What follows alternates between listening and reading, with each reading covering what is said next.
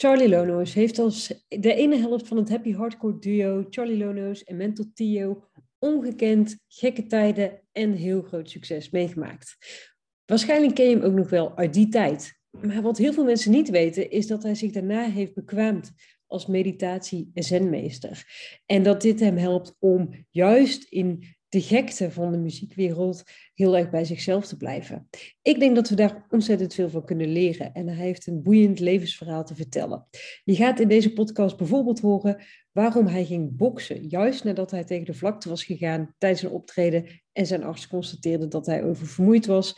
En hoe het koude water achter de Haagse duinen hem helpt om tegenwoordig om te gaan met de drukte. Want hij combineert nog steeds de muziekwereld met de wereld van meditatie. Ik heb zelf ontzettend genoten van dit mooie gesprek met Ramon Roelofs, zoals hij eh, in het dagelijks leven heet. En ik hoop ook van harte dat jij er waardevolle inzichten uit gaat halen. Veel plezier met deze aflevering van de Vitaly Blij podcast.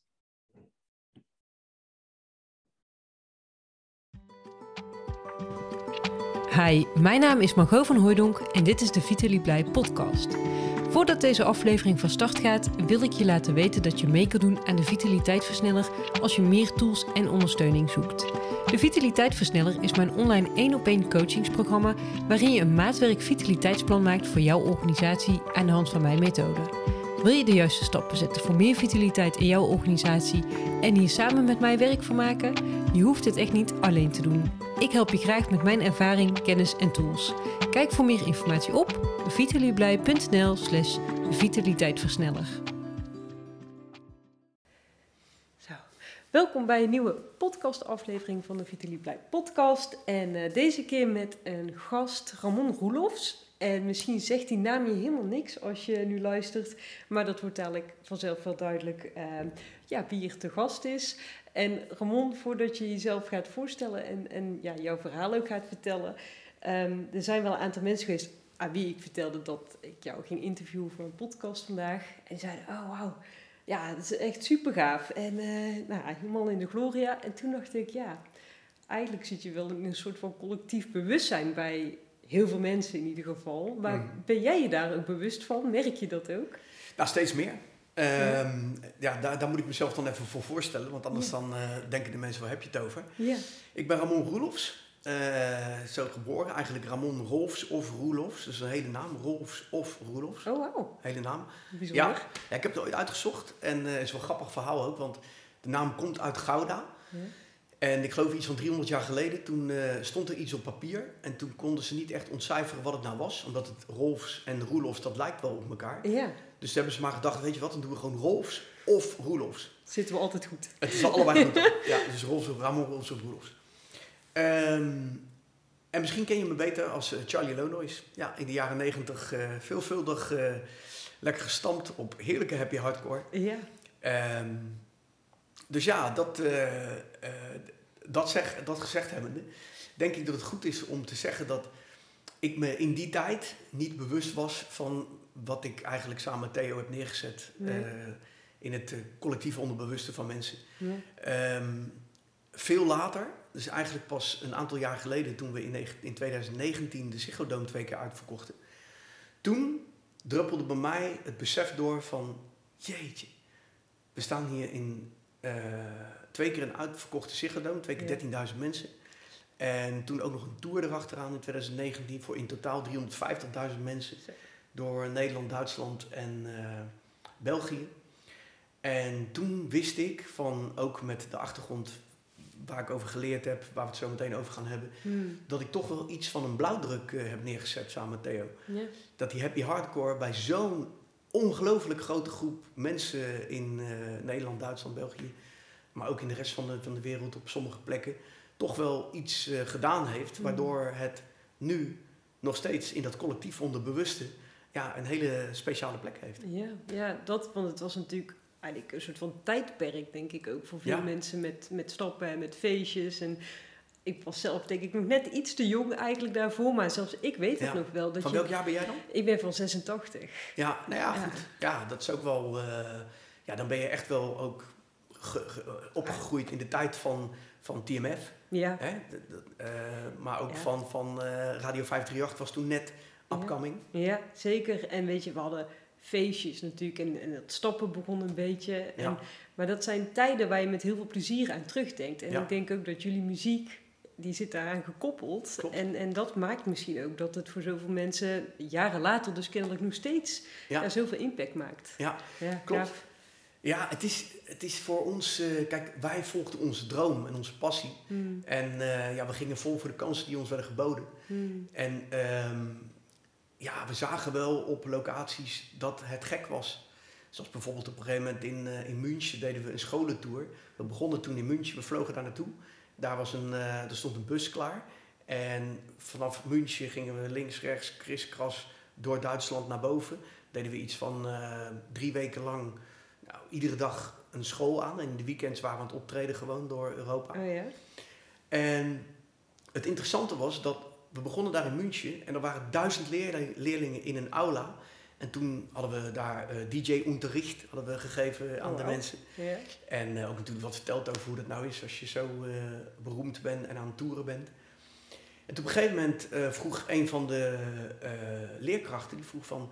Oh ja, en ze hebben ook nog gezegd dat iemand, dat ze nog handtekeningen nu gingen uitdelen. Dus die stormden allemaal naar voren, die kinderen. Ja, ja, dus wij ja. moesten vluchten. Theo die, die sloot zich op in de wc. Ik vloog naar een van de klassen waar ik me opsloot. En al die kinderen, die, die, werden gek. Ja. Helemaal gek. Ja, ja, ja. Nou, dus ik via het raam naar buiten toe en Nee, eh, anders waren we vol, zeg maar, eh, bedolven. Ja, ja, ja. ja, maar, Helemaal gek. ja, maar dat soort gekke momenten zul je vast nog wel ja, heel vaak hebben Ja, meegemaakt zeker. ook. En, Zeker. en ehm, nou ja, dan denkt de luisteraar nu misschien, oké, eh, muziek, DJ, eh, gekke toestanden en we hebben het hier over vitaliteit. Ja. Eh, wat is daar gebeurd? En nou ja, misschien kan jij daar ook iets over vertellen over het pad wat jij in die zin hebt afgelegd. Ja, ja, wat ik net al zei. ehm, voor mij was, was al duidelijk toen ik een jaar of dertien was. Mijn droom was om goed te worden met muziek maken.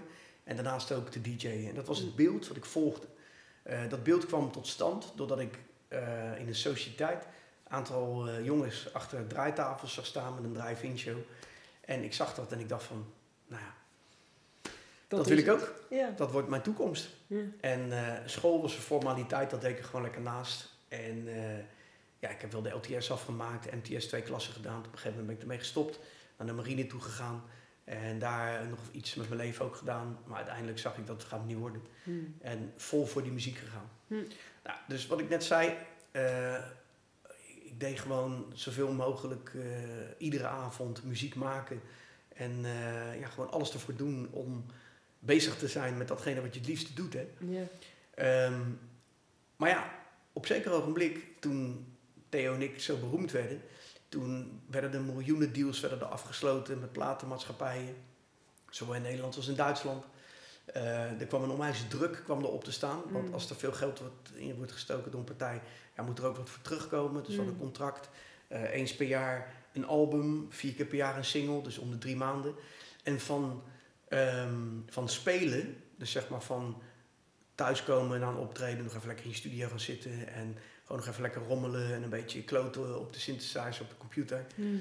werd het naar een soort van werkomgeving. Hmm. En ja, ik denk zelf, alle burn-outs, alle eh, mensen die op hun tenen lopen gezien eh, in deze tijd, denk ik dat als iets werken wordt, Hmm. dan wordt het dan een soort van ongezonde situatie. Hmm. En met werk is niks mis mee, maar je hart moet er liggen. Ja. En voor mij is duidelijk dat zodra je hart ergens ligt, en dat, dan spreek ik voor mezelf, Hmm. dan kan je zo ver gaan, dan kan je echt zo diep gaan ook, dat dan is niks te veel.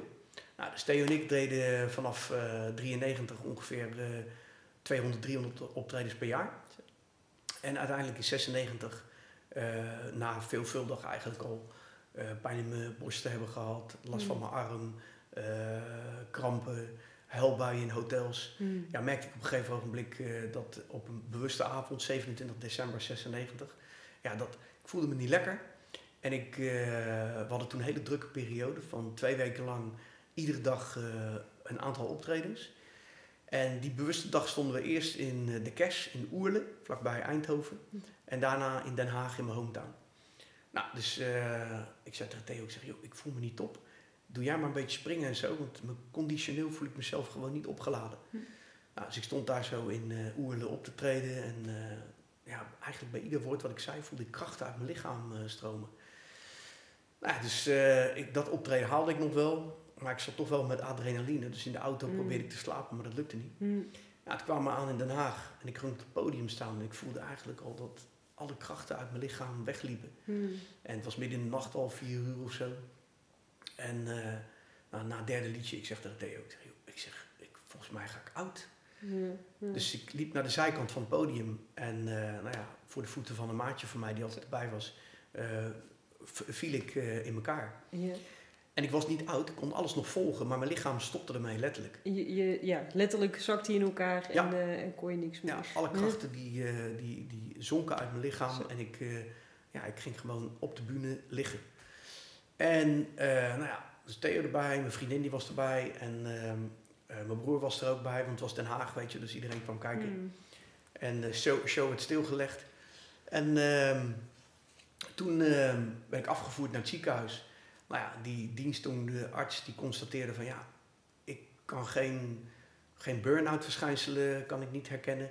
Uh, je gebruikt geen drugs, uh, je hebt niet gedronken, uh, geen medicijnen. Dus ik denk dat je gewoon oververmoeid bent. Hm.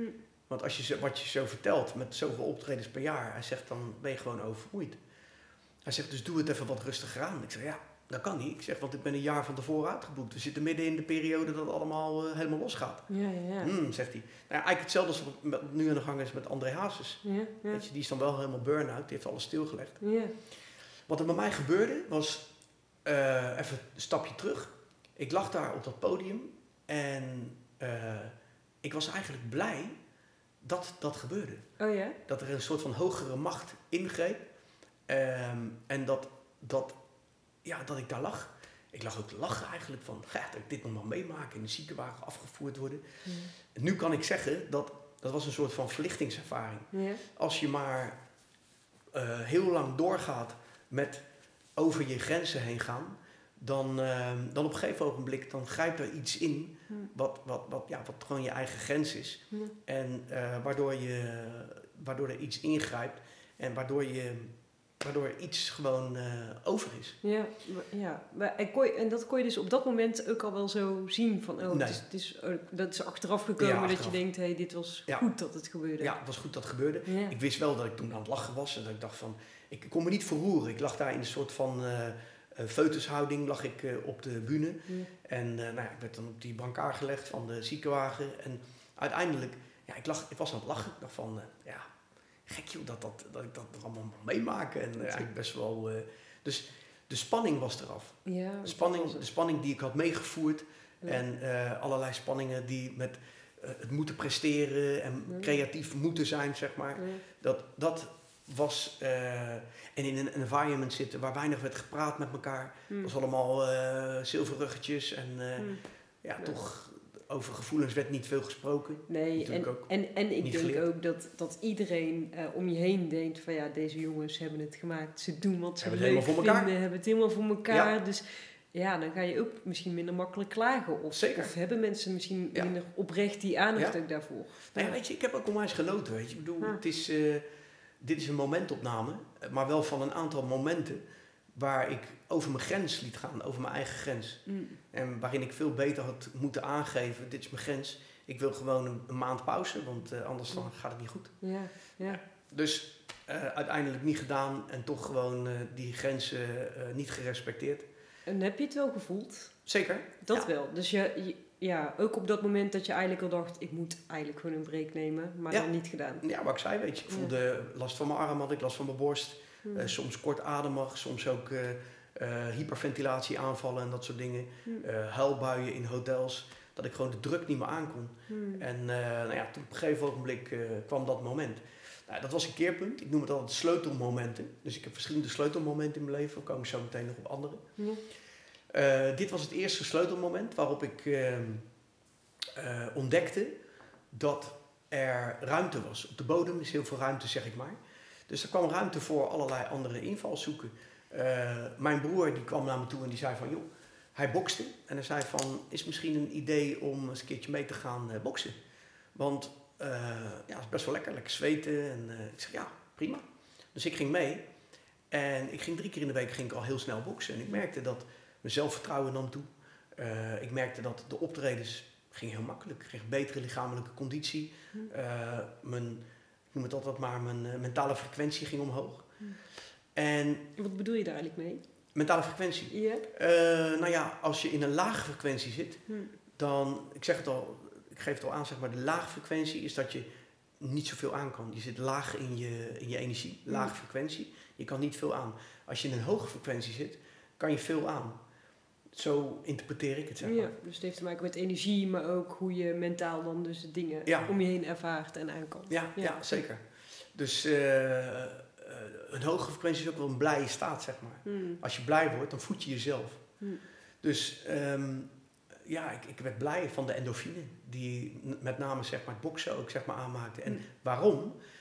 Juist omdat ik op dat moment geen prestaties hoefde neer te zetten. Ik was gewoon lekker aan het knallen, lekker veel, wat je nu zou zeggen, een ademoefening. Hmm. Boksen is puur een ademoefening. Het is heel veel uitademen, weinig inademen, terwijl het eigenlijk automatisch gaat. Ja, ja. Dus wat je doet is dat je lichaam eigenlijk detoxt. Ah, wauw. Ja. dat is wat er gebeurt. En eh, dus boksen is echt een hele goede spirituele, als je het zo kan noemen, ook oefening. Ja, ja, ja. En voor jou was het, je had niet de ambitie om profbokser te worden Nee. of wat dan ook. Dus het was gewoon lekker knallen en, eh, en ontspanning Ik was ook niet bezig met mijn lichaam of zo. Tenminste niet in de zin van dat ik een brede andere eh, s- eh, Arnold Schwarzenegger wilde worden of zo. Nee. Nee, gewoon, ik wilde goed in mijn vels komen te zitten. Ja, En dat gebeurde met boksen. ja, ja. ja. ja. En daardoor merkte ik van, hé, hey, het heeft helemaal niks mee te maken dat ik opgebrand ben. Hm. Nee joh, want ik kan drie keer in de week boksen.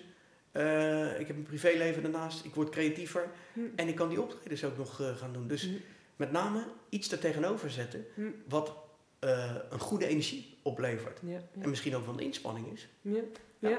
Ja. Want in die periode, want je ging tegen de vlakte en de arts zegt, nou ik denk dat je oververmoeid bent. Ja.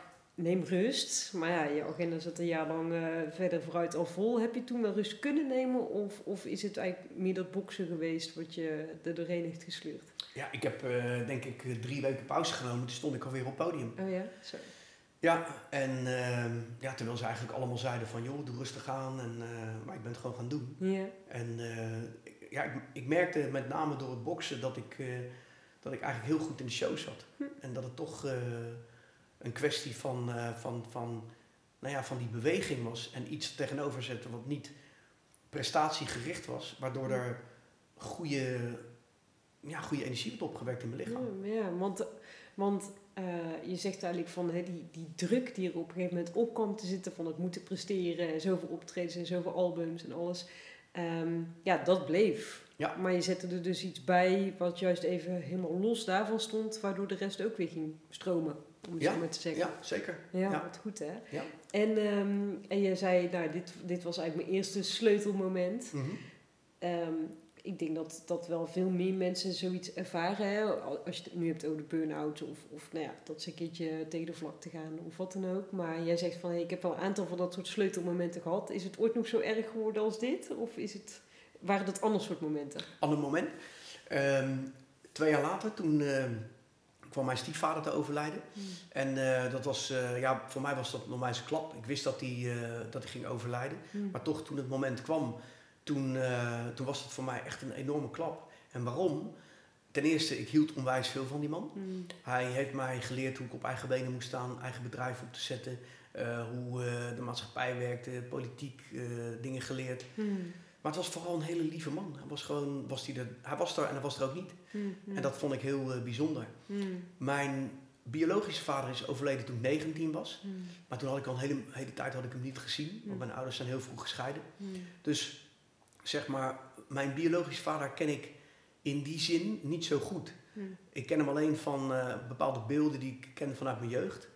Ehm, en op het moment dat mijn stiefvader kwam te overlijden, toen kwam de bubbel weer omhoog, die ik eigenlijk nooit had verwerkt, Hmm. van het verlies. Niet zozeer dat mijn vader was overleden, maar dat ik hem helemaal niet kende. Ja. Ja. En toen kwam de zoektocht naar mijn vader. En dat is Mm. een hele typische, arg, een archetypische zoektocht is dat. Van een man moet altijd zeg maar de zoektocht naar zijn vader doen. Hmm. Ehm, eh, onbewust had ik die zoektocht al wel gedaan. Want mijn vader was drummer in een rockband, mijn biologische vader. Ja. Dus muziek zit in mijn genen. Ja. En dus onbewust eh, was ik al wel, zeg maar, ja, altijd met die muziek bezig. Mm. En toen ik die DJ's daar achter die draaitafel zag staan en dat die vonk op mij oversloeg, had ik mijn vader al wel gevonden. Mm. Alleen het was een onbewust proces. Mhm. En juist zeg maar het bewust maken van dat proces, dat is zeg maar de tocht, de reis die je maakt, de Ja. archetypische reis. Mm. Nou, die kwam in de vorm van die bubbel op toen mijn stiefvader kwam te overlijden. Ik begreep de wereld niet meer. Wat is leven, wat is dood? Ik, ik wist het niet meer. Waarom moeten mensen doodgaan die, eh, waarvan je houdt? En eh, ik, ik zond een onbewuste vraag, dus zeg maar de kosmos in, zo noem ik het altijd maar. En toen kwam er een antwoord in de vorm van een recensie van een boek, wat ik zat te lezen in de Haagse krant. En het ging over twee Duitse managers die in eh, Japan in een tempel een retraite hadden gevolgd, een half jaar lang. En daar hadden ze een boek over geschreven, Zen en Management. En ik las die recensie en ja, dat deed iets met me. En ik dacht van ja, ik moet dat boek gaan lezen. Dus ik had het boek gekocht en ik las nooit boeken. Maar dit boek las ik in één adem uit en ik Mm. kreeg onwijs veel energie. Net zo en- zoveel energie als dat ik kreeg van het boksen. Alleen nu op een soort van ehm, eh, behoefte naar kennis. Mm. En ik had natuurlijk LTS gedaan, weet je, dus ik had eh, school, dat interesseerde me eigenlijk niet zoveel. En, maar nu merkte ik van dat er een soort van eh, honger naar, naar intellectuele kennis opkwam, maar ook spirituele kennis. Mm. Dus ik las dat boek in één adem uit en ik zeg, ik kreeg er onwijs energie van. En ik wist op dat moment niet goed waarvan dat was. Nu weet ik dat wel. Ik las dat boek, daar kwamen allerlei dingen in naar voren. Bijvoorbeeld dat die twee Duitse managers, die zaten daar in een tempel. En het enige wat die twee gasten scheiden van de buitenwereld was een stukje reispapier. Mm. Natuur, weet je wel. Eh, ik ben, toen merkte ik van, hé, hey, ik ben echt een natuurliefhebber. Mm. Ik denk dat iedereen natuurliefhebber is, want dat zit nou eenmaal in ons. Wij zijn natuur, zoals ik dat later geleerd heb ook. En ehm, ja, dus daar kwam een soort van, eh, ja, een soort van ruimte kwam er in mij op die opgevuld ging worden. Hm. Eh, ik, ik noem die ruimte noem ik altijd het, het vlak van potentie, zeg maar. Mm. Ehm, en ja, toen, toen eh, op zoek naar andere boeken over die thema's. Mm. Toen ineens toen, kwam ik een folder tegen van een leraar die in Den Haag meditatielessen gaf. Toen dacht ik van nou weet je, ik moet het maar, maar eens gaan doen ook. Dus daar heb ik mezelf opgegeven voor zo'n cursus. En eh, zo ben ik begonnen met meditatie. En dat Mm. was mijn, ja, mijn, mijn ehm, tweede, eh, mijn tweede grote passie wat daar, werd daar toen geboren. Want toen ik die leraar daar zag op dat kussen, toen dacht ik van, jeetje, dat, ik, ik wil dat ook gaan doen. Ja. Wanneer weet ik nog niet, maar ik wil ook die leraar worden. Ja, ja, Dat ja. wist ik al eigenlijk de eerste of de tweede keer toen ik daar binnenkwam. Ja, en wat was dat dan? Want dan zie je iemand zitten, ik stel me dat even zo voor, op een kussentje eh, heel rustig te wezen of zo. En, dan, en Ja. het gevoel was van, hé, maar dat wil ik ook. Ja, maar het had niet zozeer te maken met alleen maar rustig worden. Rustig worden was een side effect. Mm. Waar het meer mee te maken had, was eh, autonomie in jezelf. Mm. Ja. Mm. Dus zeg maar de autonomie van eh, een leraar die daar zit, die meester geworden is. Eh, master of the mind, zou je kunnen zeggen. Ge- Master van de geest. En ehm, dat zenmeesterschap, dat wilde ik ook. Mm. En eh, nou ja, uiteindelijk ben ik daar helemaal voor gegaan ook. Ja. En heb ik mezelf ondergedompeld in de wereld van meditatie. Maar ook muziek was nog steeds, zeg maar, daarnaast. Ja, ja, want dat lijken me best wel twee uiteenlopende werelden. Van drukte en heftig en op een podium staan en mensen naar ja, meditatie met rust en stilte. Ja. En, en eigenlijk ja, meer dat proces binnenin jezelf wat je dan aangaat, stel ik me Ja. zo voor. Ja. En hoe combineerde jij dan die twee werelden? Ik zou je, ik zou je, kijk, dit is wel heel erg leuk dat je dit zegt. Ik zou je metaforisch uitleggen eh, hoe dat werkt. Kijk, stilzitten op je kussen kan ook heel druk zijn. Mhm. Snap je wat ik bedoel? Ja, dan kan je nog steeds met van alles en nog wat bezig zijn. Ja. Bedoel je dat? Ja, zeker. Kijk, een mooie symbolische metafoor is van een, eh, een zenmeester die een eh, professor op bezoek krijgt. En die professor die zegt tegen die meester, zenmeester, vertel mij alsjeblieft wat de essentie van zen is. Ik wil er alles over weten. Dus die zenmeester die gaat een eh, kan met thee halen, zet twee kopjes neer. En gaat schenken. Schenkt eerst zijn eigen kopje vol, daarna het kopje van de professor. En schenken en schenken en schenken. En hij blijft schenken totdat op een gegeven moment dat kopje helemaal overloopt. En hij blijft schenken en die tafel loopt over. Dus die, die professor zit te kijken, die zegt van, wat doe je? Zie je niet dat dat helemaal overloopt? Zegt hij, dat kopje is jouw hoofd. Ga terug naar huis. Als je hoofd leeg is, kom dan terug, dan kan ik je meer vertellen. Want er is geen ruimte. Mm, mhm, ja. Ja. En dat is waarschijnlijk bij heel veel van ons überhaupt aan de hand. Precies. Ja, ja. Daarentegen kan ik je ook vertellen dat de wereld van de DJ of van de danser ook heel stil kan zijn. Terwijl die heel druk bezig is met dansen. Hmm, ja. ja, omdat het dan te maken heeft met focus en met ja, je eigen eh, performance. Of ja, bedoel je dat? Zeker. Ja. Een van de oudste rituelen is dansen. Oh ja? Dansen om een kampvuur. Als je ziet de stammen in Zuid-Amerika of in Afrika, waar de shamaan zeg maar de, het ritueel Hmm. leidt, waarmee dans, dansen een soort van trance dance wordt, Hmm. waarmee dansen eh, een meditatie in beweging wordt, Hmm. waarin mensen echt gewoon in hun verticale midden komen, waarin het horizontale met doelen en ambities en past en gewoon niet meer relevant is, maar Hmm. waarin je helemaal in het hier en nu bent. Dat is ook, daar kan ook heel veel stilte zijn, terwijl je toch druk bezig bent met iets. En ik herken het heel goed. Draaien als DJ, muziek maken in mijn studiootje. Het kunnen hele stille, gefocuste momenten zijn. mhm. Dus wat dat betreft zit de meditatie in eh, de muziek, in de act, zeg maar. Of je nou een hele drukke manager bent, een huisvrouw die het, het hele huis eh, kant en klaar moet hebben met schoonmaken. Het, het hangt ervan af waar je focus ligt. En of je jezelf kan focussen op datgene wat je aan het doen bent. Ja, ja, ja. Met heel je hart. Ja, ik snap, ik snap denk ik wat je zegt, hè. Want eh, ik herken het ook bij mezelf. Ja, ik, ik kan met tien dingen tegelijk bezig zijn. Ja. Eh, ondertussen stop ik nog een boterham in mijn mond. En, en na een uur denk ik, ja, wat heb ik nu eigenlijk gedaan? En had, Ja. ik, had ik nou al gegeten of niet? Eh, en dat is, ja, dat is precies niet wat Dat het is moet zijn natuurlijk. Een boek lezen. Ja. Bijvoorbeeld, je hebt een bladzijde gelezen en je gaat naar de volgende bladzijde en dan denk je, wat heb ik eigenlijk gelezen op die vorige bladzijde? Nou ja, eh, als het me lukt om dan niet tussendoor mijn telefoon al bij de hand te hebben genomen, omdat ik dan Ja. denk, oh help, ik moet iets opzoeken of ik moet die nog appen. Dus Ja. ja, het, de- ik denk echt dat het voor zoveel mensen, mezelf inclusief, maar zo lastig is om gewoon te doen wat je wil doen. Ja. Omdat er zoveel afleiding is en omdat er zoveel prikkels zijn en Klopt. er zoveel gebeurt ook. Ja. Hmm, Ja. ja. Meditatie is een trucje om je, eh, jezelf te focussen op iets heel bazaals. Het basale is de adem. De adem is verticaal. De adem is altijd, altijd verticaal. Hij gaat in en uit. Hmm. Het is een verticaal proces. Ik wijs nu, mensen zien het niet, Hm. maar ik wijs nu zeg maar op eh, de luchtpijp, die dus zeg maar van eh, boven naar beneden toe gaat. En als je voelt in je lichaam.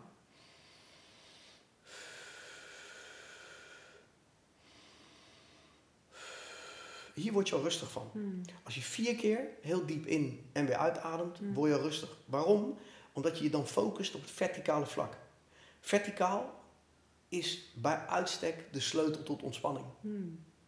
Ja, wa- want je zegt verticaal, dat is zeg maar hè, de ademhaling en Ja. dat is dus ontspanning. En wat is dan horizontaal? Of hoe moet, wat, wat, hoe moet ik dit zien? Ja, horizontaal is tijd. Hmm. Horizontaal is een doel. Niks mis mee. Allemaal top. Eh, zijn ambities is allemaal in the future. Hmm. Ja. Ja. Eh, maar ook past. Weet je? Dus je bagage. Hm. Eh, datgene wat je was. Bezig zijn met dingen die zijn geweest. Hmm. Dat is allemaal horizontaal. Dat is ook zeg maar chronologische tijd. Terwijl ehm, chronos een, is, is het Griekse woord voor chronologische tijd. Terwijl kairos is eigenlijk je verticale tijd. Mm. Dat is je hier en nu. Heeft niks te maken met eh, niets doen. Het kan ook bijvoorbeeld, eh, ik ga binnenkort ga ik op vakantie, ga ik naar Bonaire, ga ik drie weken gewoon op een heel klein eiland zitten. Het kan heel goed zijn dat, dat ik daar dingen aan het doen ben, maar dat ik wel in mijn kairos zit. Hmm. Waarom? Omdat daar de, de tijd voor mij even stilstaat. Mhm. Hmm. En, de, en de, minder de druk is van, oh, ik moet nu daar en daar op die tijd staan of, of dat af hebben. Ja. Maar dan zit je gewoon in je eigen flow, om het zo Ja. maar te zeggen. Ja. Ja, boeiend hè?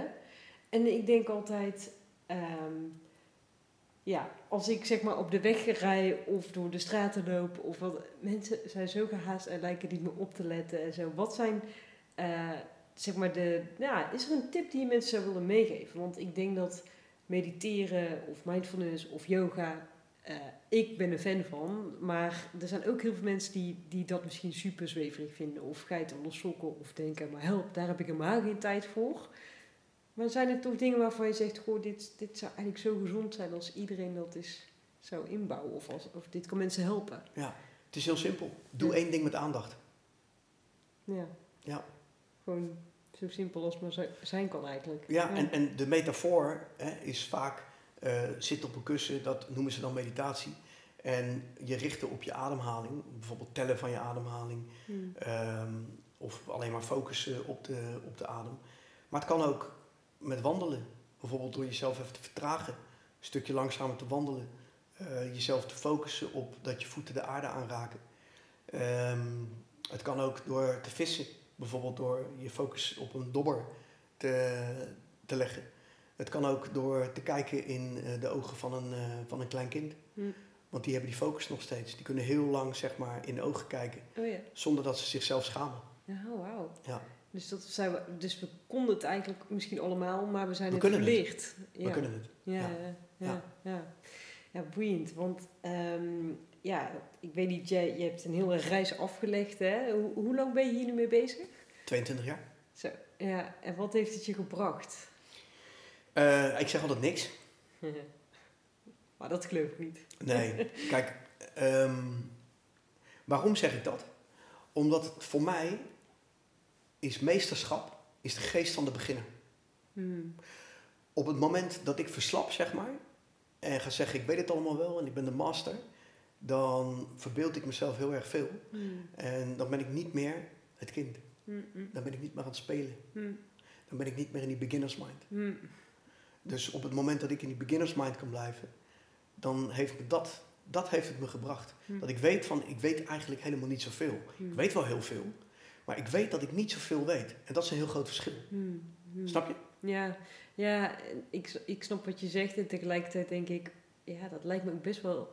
ehm, nou, moeilijk is niet het goede woord, maar ja, is het ook de, de, de kunst om verwonderd te blijven dan of zo? Over Ja. de dingen die je meemaakt en ziet Ja. en wat er om je heen gebeurt? Ja. Ja, want dat kan ik me wel voorstellen. Terwijl, ja, je helpt die mensen, andere, mensen ook mee, toch? Ik Wat- denk dat, ja. dat, dat een bepaalde vorm van meesterschap brengt met zich mee dat je bewust bekwaam wordt. Ja. De dag van vandaag is een schitterende dag. Hm. Alleen veel mensen kunnen het niet zo zien. Hm.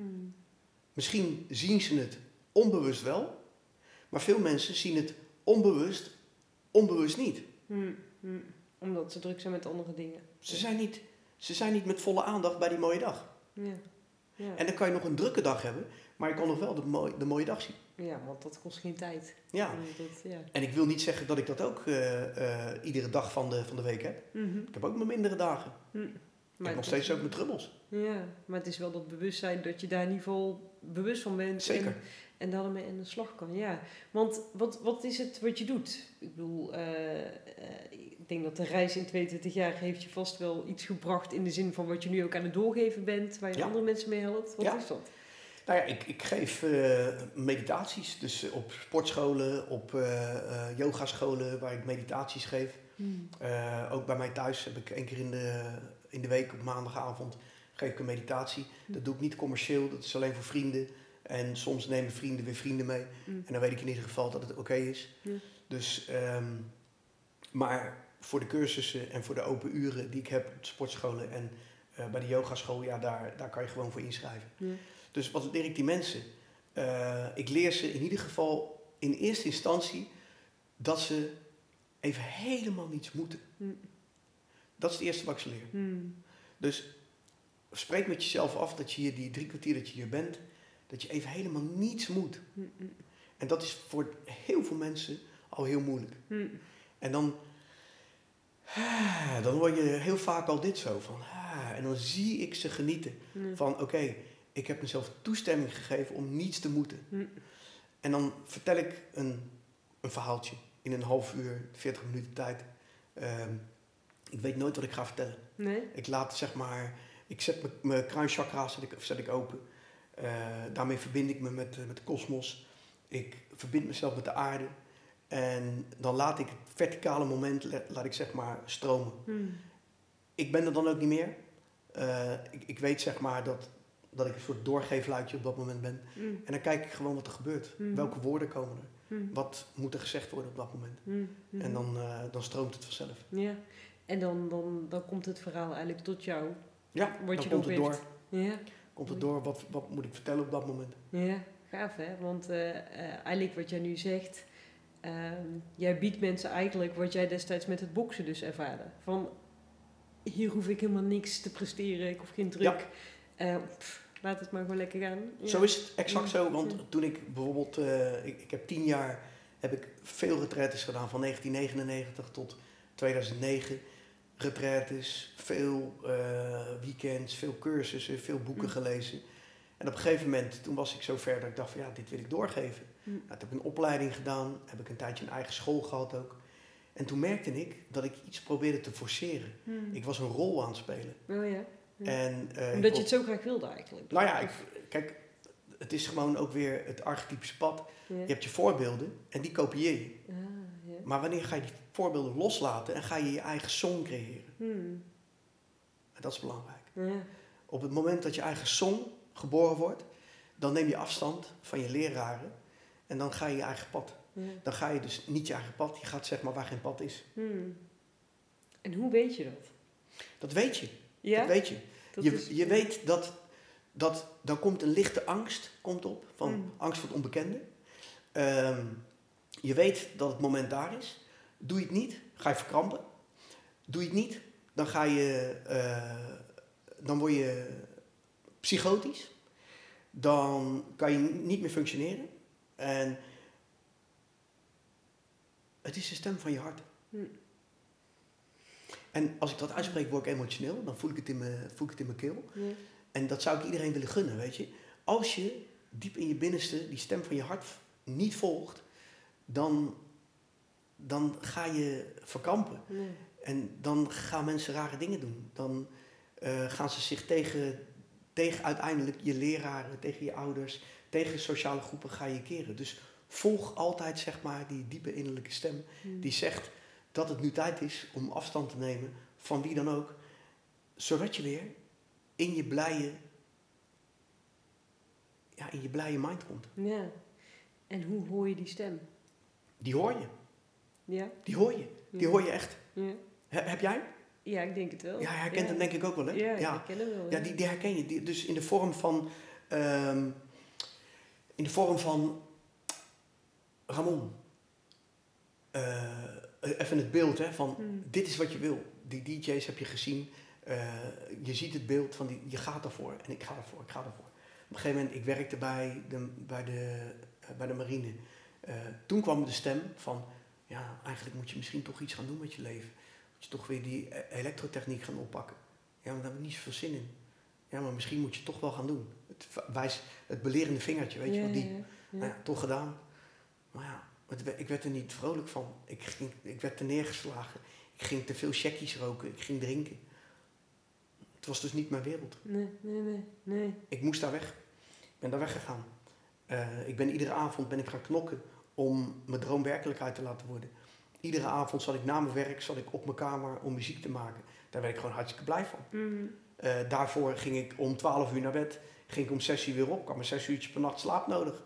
En, maar die creatieve vibe, die, die, die was er, weet je wel. En dat, dat, dat voedt je, nou ja, dat is zeg maar. Ze hebben het over Boeddha natuur, over Christus ruimte, over eh, het goddelijke in jezelf. Maar dat is zeg maar wat zeg maar je innerlijke, eh, ja, je innerlijke kracht voedt. Ja. Ja, en eigenlijk hoor ik jou zeggen, ja, als je doet wat je, waar je blij van wordt, waar je energie van krijgt, en, ja, dan gaat het ook een soort van vanzelf. Of tenminste, dan, dan weet je dat je op het goede pad zit. Jazeker. Ja, Dan kan je niet 100, maar 20% kan je geven. ja. En geloof je ook dat ehm, als je dat doet, hè, dat, dat zeg maar nou, succes, op wat voor manier dan ook, of, of, of in ieder geval een, een goed leven, dat dat als vanzelf volgt? Of, of ja, wat ik eigenlijk bedoel is van, ik denk dat Ja. heel veel mensen dit heel spannend vinden. Want we zijn allemaal opgevoed van, oké, doe een opleiding, ga een baan zoeken, heb zekerheid in het leven, want je hebt hypotheek en uh, een gezin en kinderen en toestanden. Ja. En dan is misschien heel diep wel dat stemmetje wat fluistert van, hm, dit kantoor, daar word je niet blij van, of deze werkomgeving. Ja. Ja, het is wel spannend, Ja. omdat je weet wat je hebt. Ja. En of je daar nou eh, een beetje ongelukkig of heel ongelukkig van wordt, je weet wat je hebt. En dat onbekende, die angst, Ja. Ja, die kan zo spannend zijn. En, en mensen dus denk ik ook tegenhouden om, om het te doen. Terwijl ik denk eigenlijk zelf wel, als je, als je echt doet wat je, wat je leuk vindt en waar je blij van wordt, en dan nog moet je er misschien hard voor werken, daar is dan ook helemaal niks mis mee. Maar ik denk wel dat je dan uiteindelijk wel ook gewoon goed terechtkomt. Snap je wat ik bedoel?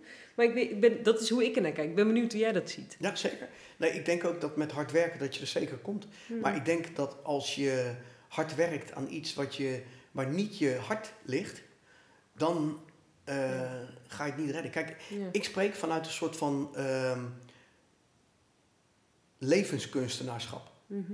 En dat kan op ieder vlak liggen. Dat kan ook de timmerman zijn. Het kan ook de automonteur zijn. Het kan ook eh, een Elon Musk zijn. Het kan ook een, een, eh, een huisvrouw zijn, weet je, die zo goed mogelijk haar kinderen opvoedt. Dat kan Ja. ook, hè? Dus, Ja. dus don't get me wrong dat het ook altijd op het vlak van bijvoorbeeld een kunstenaar moet zijn. Nee, zo is het niet. Maar ehm, bijvoorbeeld een Salvador Dali is een mooi voorbeeld. Mhm. Maar ook eh, eh, Mozart is ook een mooi voorbeeld. Mhm. Mozart dacht in melodieën. Oh ja? Ja, hij, hij, hij droomde in melodieën. Hm. Hij was acht toen hij zijn eerste symfonie schreef. Ja.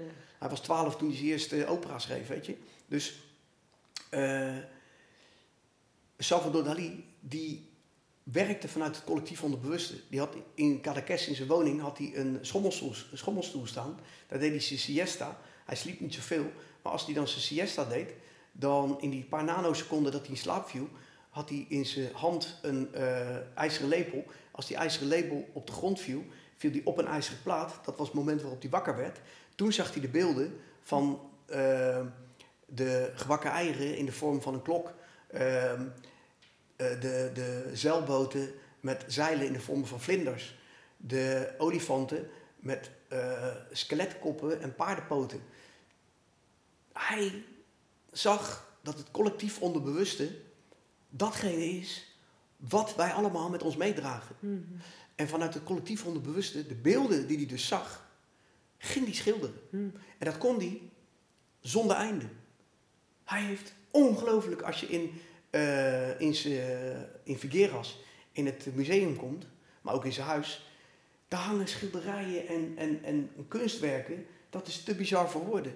Ik snap niet dat die man maar, nou ik weet niet hoe, hoe lang hij geleefd heeft, ik geloof iets van eh 78 jaar of zo. Dat hij zo kort geleefd heeft. Want wat hij gemaakt heeft is oneindig. Ja, ja. Kijk, en dat is de weg van, van, van, ehm, ja, van de kunstenaar die de wereld eh, vanuit zijn energie, vanuit zijn Buddha-nature, vanuit zijn Christusruimte, vanuit, noem het maar, vanuit zijn Krishna-natuur, noem het maar op, geef er een naam aan, maar liever niet, want anders ontstaat er een oorlog. Ehm, vanuit die ruimte, vanuit die space, waarvan die weet dat het zeg maar de universele, de universele lucht is, de universele creativiteit die Mm. overal is en in iedereen aanwezig. Mm. Ja, dat als je dat zeg maar creëert vanuit die ruimte, Mm. dan komt succes automatisch. Ja. En ook als het niet komt, ja, dan ben je toch in iets aan het doen waar je vol passie over spreekt. Precies. Waar, waar, waardoor er licht uit je oren en je ogen komt als je erover praat, weet je. Ja, dan heb je in ieder geval een leuk leven gehad. Of althans, ben je blij. Ja. Dan heb je een, een, Ja. kijk, en, en dan heb je een leven gehad waardoor je eh, echt geleefd hebt. En waardoor je, als je je hoofd neerlegt, kan je zeggen, ja, ik heb gedaan wat ik altijd, eh, wat ik altijd wilde. Ja, nou ja, ik denk dat dat super belangrijk is. Mijn moeder is eh, ook overleden, zeven Ja. jaar geleden. En voor mij heeft dat, ehm, is, het- is het denk ik dat wat het mij heeft duidelijk gemaakt. Ook, of wat ik misschien moest leren daarvoor. Joh, ik, ik deed maar wat, ik was ook maar 28. Maar ehm, ja, ik denk wel dat ik daardoor in één keer snapte van, ja, wacht even. Er kan een dag zijn, dan ben je er ineens zomaar niet meer. Ja, Ja. Wat wil je dan gedaan hebben in die tijd? En, eh, ik denk ook dat ik daardoor misschien is dat voor meer mensen zo, maar dat ik daardoor minder bang ben geworden. Omdat ik dacht, ja, wat maakt het ook eigenlijk allemaal uit? Ik bedoel, uiteindelijk gaan we toch, kan je me beter plezier hebben gehad. En dat wil niet zeggen dat je, denk ik, als een kip van de kop, ehm, ja, moet doen, alleen maar dingen moet doen waar je blij van wordt. Zo is het ook niet. Maar ja, het, het, zou zo mooi zijn als mensen daar net iets meer lef ook in hadden. En, en eigenlijk dat vertrouwen, denk ik, ook hebben van, ja, doe waar je blij van wordt. En, Zeker. en wat bij je past ook. En, en dan komt het echt op zijn puntjes terecht. Ja. Ja. ja, ik denk dat, dat heel veel mensen zijn uh, bang voor het lijden. Niet Mm. zozeer bang voor de dood, want de dood is dit eigenlijk in principe. Hè? Het is gewoon een, een soort van deurtje wat aan twee kanten open gaat. Maar bang voor het lijden. Mm. Alleen, ik denk dat als... Kijk, lijden komt automatisch. Mm. Lijden is er altijd. Lijden ontkomen we niet aan, want we hebben een, uh, een fysiek lichaam... waarin uh, die energie schuilgaat die we niet kunnen zien... maar die er wel is en die vorm geeft aan de vorm... Mm-hmm. die vorm geeft aan de elementen. Mm. Zoals we nu hier zitten. Wij praten met elkaar. Dus die energie geeft vorm aan de elementen. Mm. Aan uh, zon, uh, dus zeg maar aan vuur, water, uh, lucht en aarde. Inclusief bewustzijn. Dus datgene geeft de vorm aan. Op het moment dat we, dat we ziek worden en op een gegeven moment gaan, ja, dan hebben we in ieder geval hebben we in die tijdspanne van 70, 80 jaar dat we leven, hebben we gedaan wat we leuk vonden. Mm. En hebben we volledig geleefd ja, binnen die, die, die, uh, ja, binnen die, die tijdsruimte waarin, waarin het ons gegund is, zeg maar. Ja, ja, ja. Ja. Ja, het is wel diepe, diepe kost. Ik moet er ook echt over nadenken. Maar ik, ik ben het daar wel helemaal mee eens. En ik denk ook dat... Um, kijk, je kan niet altijd alles. Hè? Ik bedoel, als ik nu uh, denk ik wil een nieuwe Beyoncé worden of zo, dan gaat hem never nooit nieuw worden. Maar dat is ook helemaal niet wat ik voel, wat ik zou willen nee. worden. En, en dat, maar dat is goed en, wat je zegt, ja. wat ik voel. Ja. Dat is belangrijk. Ja, precies. Van, um, en daar zit misschien ook een soort van nou ja, verwarring of angst, denk ik. Van ja, maar ik, kan, ik, kan, ik wil iets en ik kan dat niet worden of zo. Maar da, daar gaat het ook niet om. Het gaat er volgens mij om dat je inderdaad binnen jouw eigen mogelijkheden met je eigen lijf of wat het ook mag zijn, uh, dat je daar wel het meeste uithaalt. Zeker. Of, of gaat doen waarvan jij dan denkt, hé, hey, dit is uh, waar ik heel blij van word of wat ik te bieden heb. En, ja. en dan gaat het wel stromen. Ja, ja. Ja, ja. ja ik, uh, ik, ik denk dat het zo werkt. En ja. wat heel belangrijk is, wat ik echt geleerd heb, is dat um, ga af op de beelden die je ziet. Hmm. En bij de beelden komen ook woorden, komen, uh, komt tekst. Hmm. Andersom is ook waar. Als je bijvoorbeeld een droom hebt, de, de droom van je wilt iets schrijven, en de droom is eigenlijk ook al een beeld, hè? maar je wilt bijvoorbeeld een boek schrijven. Een boek schrijven is verre van eenvoudig. Ik heb er twee geschreven en dat is een worsteling. Mm. Maar het was voor mij wel een wens om mijn eerste boek te schrijven. Toen ik mijn eerste boek geschreven had, dacht ik, ik ga nooit meer een boek schrijven. Maar veel later kwam toch weer de kriebel dat ik een tweede boek wilde schrijven. Yeah. Dus ik ging dat tweede boek weer schrijven. En die intentie is eigenlijk de affirmatie, de bevestiging naar mezelf, die was er. En ik ben gaan schrijven. En toen heb ik ook een hoofdstuk geschreven waarin affirmaties voor mij heel belangrijk waren. Mm. Want ik denk op het moment dat je weet waar je naartoe wil, dat je een soort van stip aan de horizon hebt van boek, ik wil boek schrijven. Dat is de affirmatie. En dat je dat prent in je onderbewuste, dat je jezelf ook telkens steeds makkelijker ertoe kan zetten. Betekent niet dat het eenvoudig is. Mm. Want ik heb drie keer een writersblok gehad en daar ook helemaal vastgelopen. Mm -hmm. Maar telkens weer er bovenop gekomen, Mm. omdat er helpers op mijn pad kwamen. Waarom? Omdat ik wist, ik wil daar naartoe. Yeah. Dus de beelden kwamen automatisch. Ik wist niet hoe het boek eruit ging zien. Ik wist niet wat de titel was. Maar ik wist, boek schrijven. Ja, ja, ja. En als je dat beeld maar hebt, dan, dan vind je ook wel een manier en een weg om het dus te gaan doen. Zeker. Ja, ja, ja, mooi hè. En jij zei het ook van, uh, als je dat niet doet, als je niet luistert naar die stem uh, binnenin je, ja, dan, dan loopt het zeg maar niet zo goed met je af. Dan word je misschien psychotisch of heb je stress of, of stroomt het niet. Er komt wrijving. Ja. Er komt wrijving. Ik heb ook gezegd, mijn documentaire op YouTube Ja. heet Zonder wrijving geen glans. Oh, ja. Maar als er zoveel wrijving komt dat je alleen maar bezig bent met wrijving, ja, dan, eh, dan denk ik dat je te veel naar één kant gaat hellen. En ik noem het altijd waar, wij zijn mensen zeg maar die als een soort, ik zie mezelf ook zo echt als een soort van eh koorddanser, die met de grote stok zeg maar van A naar Z gaat. Mhm. En de ene keer wat naar links gaat, en de andere keer wat naar rechts gaat, telkens wel het midden uitkomt. Ja, ja. Ja. ja, ja, want ja, ik snap ook wat je. Je moet ergens ook een soort van je grenzen opzoeken. Of, nou, dat is niet helemaal het goede, maar je, je loopt vanzelf wel ergens weer een soort van tegenaan. En dan weet je wel, het moet weer een beetje de andere kant op. Ja. Ja, ja. Ja. En hoe kijk je dan naar deze tijd? Daar ben ik wel heel benieuwd naar. Want eh, wat ik zeg, er gebeurt natuurlijk van alles. Het is corona. eh, nou ja, mensen hebben zoveel stress. Er zijn zoveel burn-outs. Wat jij zegt, als, als mensen bij jou komen, zijn ze blij dat ze even drie kwartier niks hoeven. Ja. Eh, maar kennelijk kunnen we onszelf dat niet eens toestaan. Hebben we daar dus letterlijk iemand voor nodig die dat dan tegen ons zegt. Ja. Denk ik, ja wauw. eh, hoe, hoe zie jij deze tijd? Ja, ik zie, ik zie het als een tijd van eh, vernieuwing en van heel veel uitdagingen. Hmm. Eh, om eerlijk te zijn, toen, ik, toen de eerste lockdown kwam, toen eh, ehm, was ik in eerste instantie zoiets van, hmm, kloten. Dat was een heel kort moment. Ja. Uiteindelijk was ik heel blij Ja? dat hij er was. Ik had in 2019 onwijs druk jaar gehad. Hmm. Met eh, onder andere het schrijven van mijn boek. Eh, was ik, eigenlijk al, ik heb er drie jaar over gedaan over het boek. Maar 2019 was echt druk. We deden twee keer de Sigo uitverkopen, Theo en ik. Toen die tour nog daarbij. Ik gaf me trainingen. Maar ook het boek schrijven daarnaast. Hmm. Dus ik was eigenlijk best wel blij dat er pauze kwam. En toen die lockdown was, toen ging ik 's morgens eh, ging ik wel eens eh, in de auto van Loosduinen naar Scheveningen. Dat is met de auto ongeveer 10 minuutjes, kwartiertje. Ging ik een duikje doen om 7 uur 's morgens. Normaal gesproken stond de Sportlaan, dat was een hele drukke straat. Die stond helemaal vast met, met auto's. Oh. En toen ik daar op dat moment doorheen ging, niemand, stil. Het was een dorp. Super stil. En toen dacht ik van, wat heerlijk dit. Wat geweldig. Het lijkt wel, het lijkt wel een retraite. Wat ik normaal gesproken mezelf altijd, eh, nou, wat ik mezelf gunde, was die retraite al 19 jaar. En ik wekte dat bij mezelf op. Gewoon die stilte, eventjes eh less is more, helemaal niks. In een klooster, in een abdij, of eh, ergens in een hutje op de hei, of ergens ver in het zuiden van Frankrijk, tien dagen in stilte. Hm. Of een Vipassana in, in Thailand, midden in de jungle.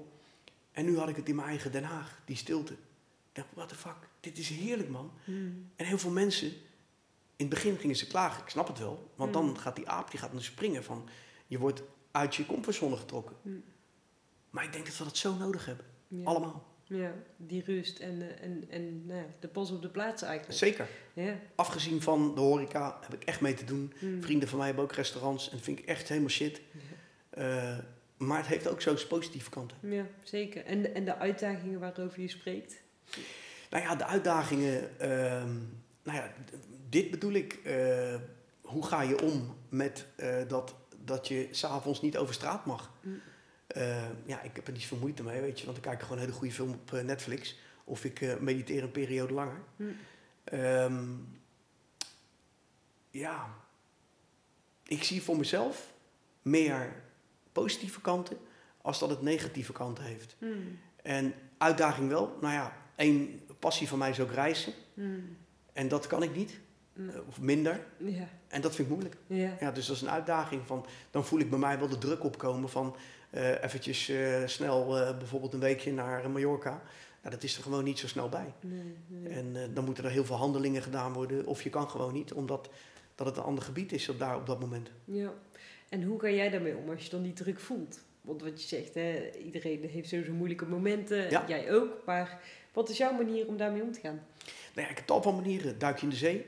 Ja? Eh, ja, is voor mij, als je het over vitaliteit hebt, is voor mij eh, op zaterdagochtend en op zondagochtend eh, doen we altijd een duikje in de zee. We hebben een groep voor. En dat is stevast voor mij om half negen 's ochtends. In de winter komt de zon op. En dan, ja, weet je, dan die zee, het is onwijs koud buiten. Ja. En die zee is nog kouder. En ja, het is gewoon af, even afzien.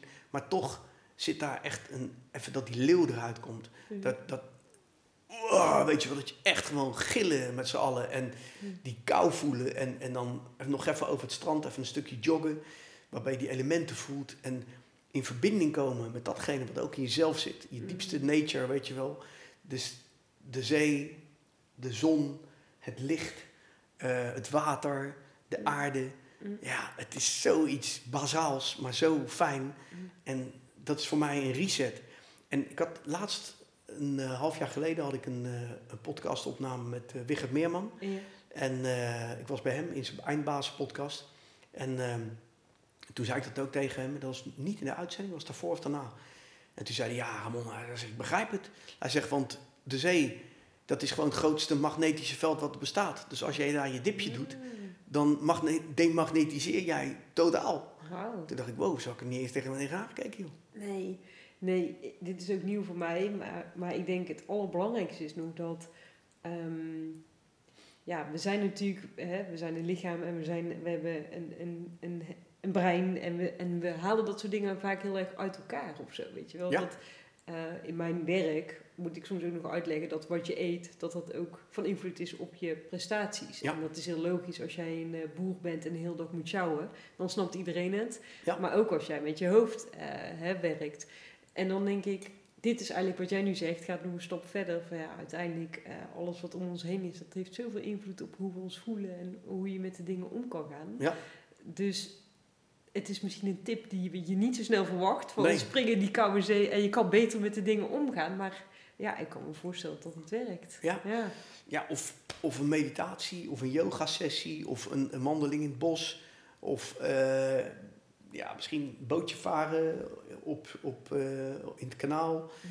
Ehm, geef daar je eigen invullingen aan. Mhm. En ja, ik denk bij tijd en wijde gewoon even afschakelen. En eh, zien dat dingen die je niet kan veranderen, ja, dan moet je ook gewoon lekker laten. Ja. En dingen die je wel, wel, wel kan veranderen, kijk dan wat je doet. Ja. En er zijn dingen, zoals boksen, meditatie, eh, vissen, ehm, tuinieren, een bonsaiboompje knippen, ehm, ik- misschien eh, een mengpaneeltje in elkaar solderen of zo, weet ik veel. Mm, mm, Ja. Ja. Of een koude douche nemen. ja. Ja. Het haalt je wel allemaal in het moment. Het moment. En Ja. daar gaat het over. Ja, precies. Ja. Daar gaat het echt over. Mooi. Is er nog iets waarvan je denkt, nou daarmee eh, wil ik afronden of dit wil ik nog meegeven aan eh, mensen die luisteren? Nou, ik vind het leuk om, eh, om nog te noemen wat ik nu doe. Ja. Nou ja, wat ik zei, ik, ik geef yoga, meditatie, maar daarnaast doe ik ook enlightenment intensives geven. Hm. Dat zijn hele interessante retreats van een dag of van vijf dagen. Mm. En als je daar dingen over wil weten, ga dan naar mijn website ramonroedels.nl.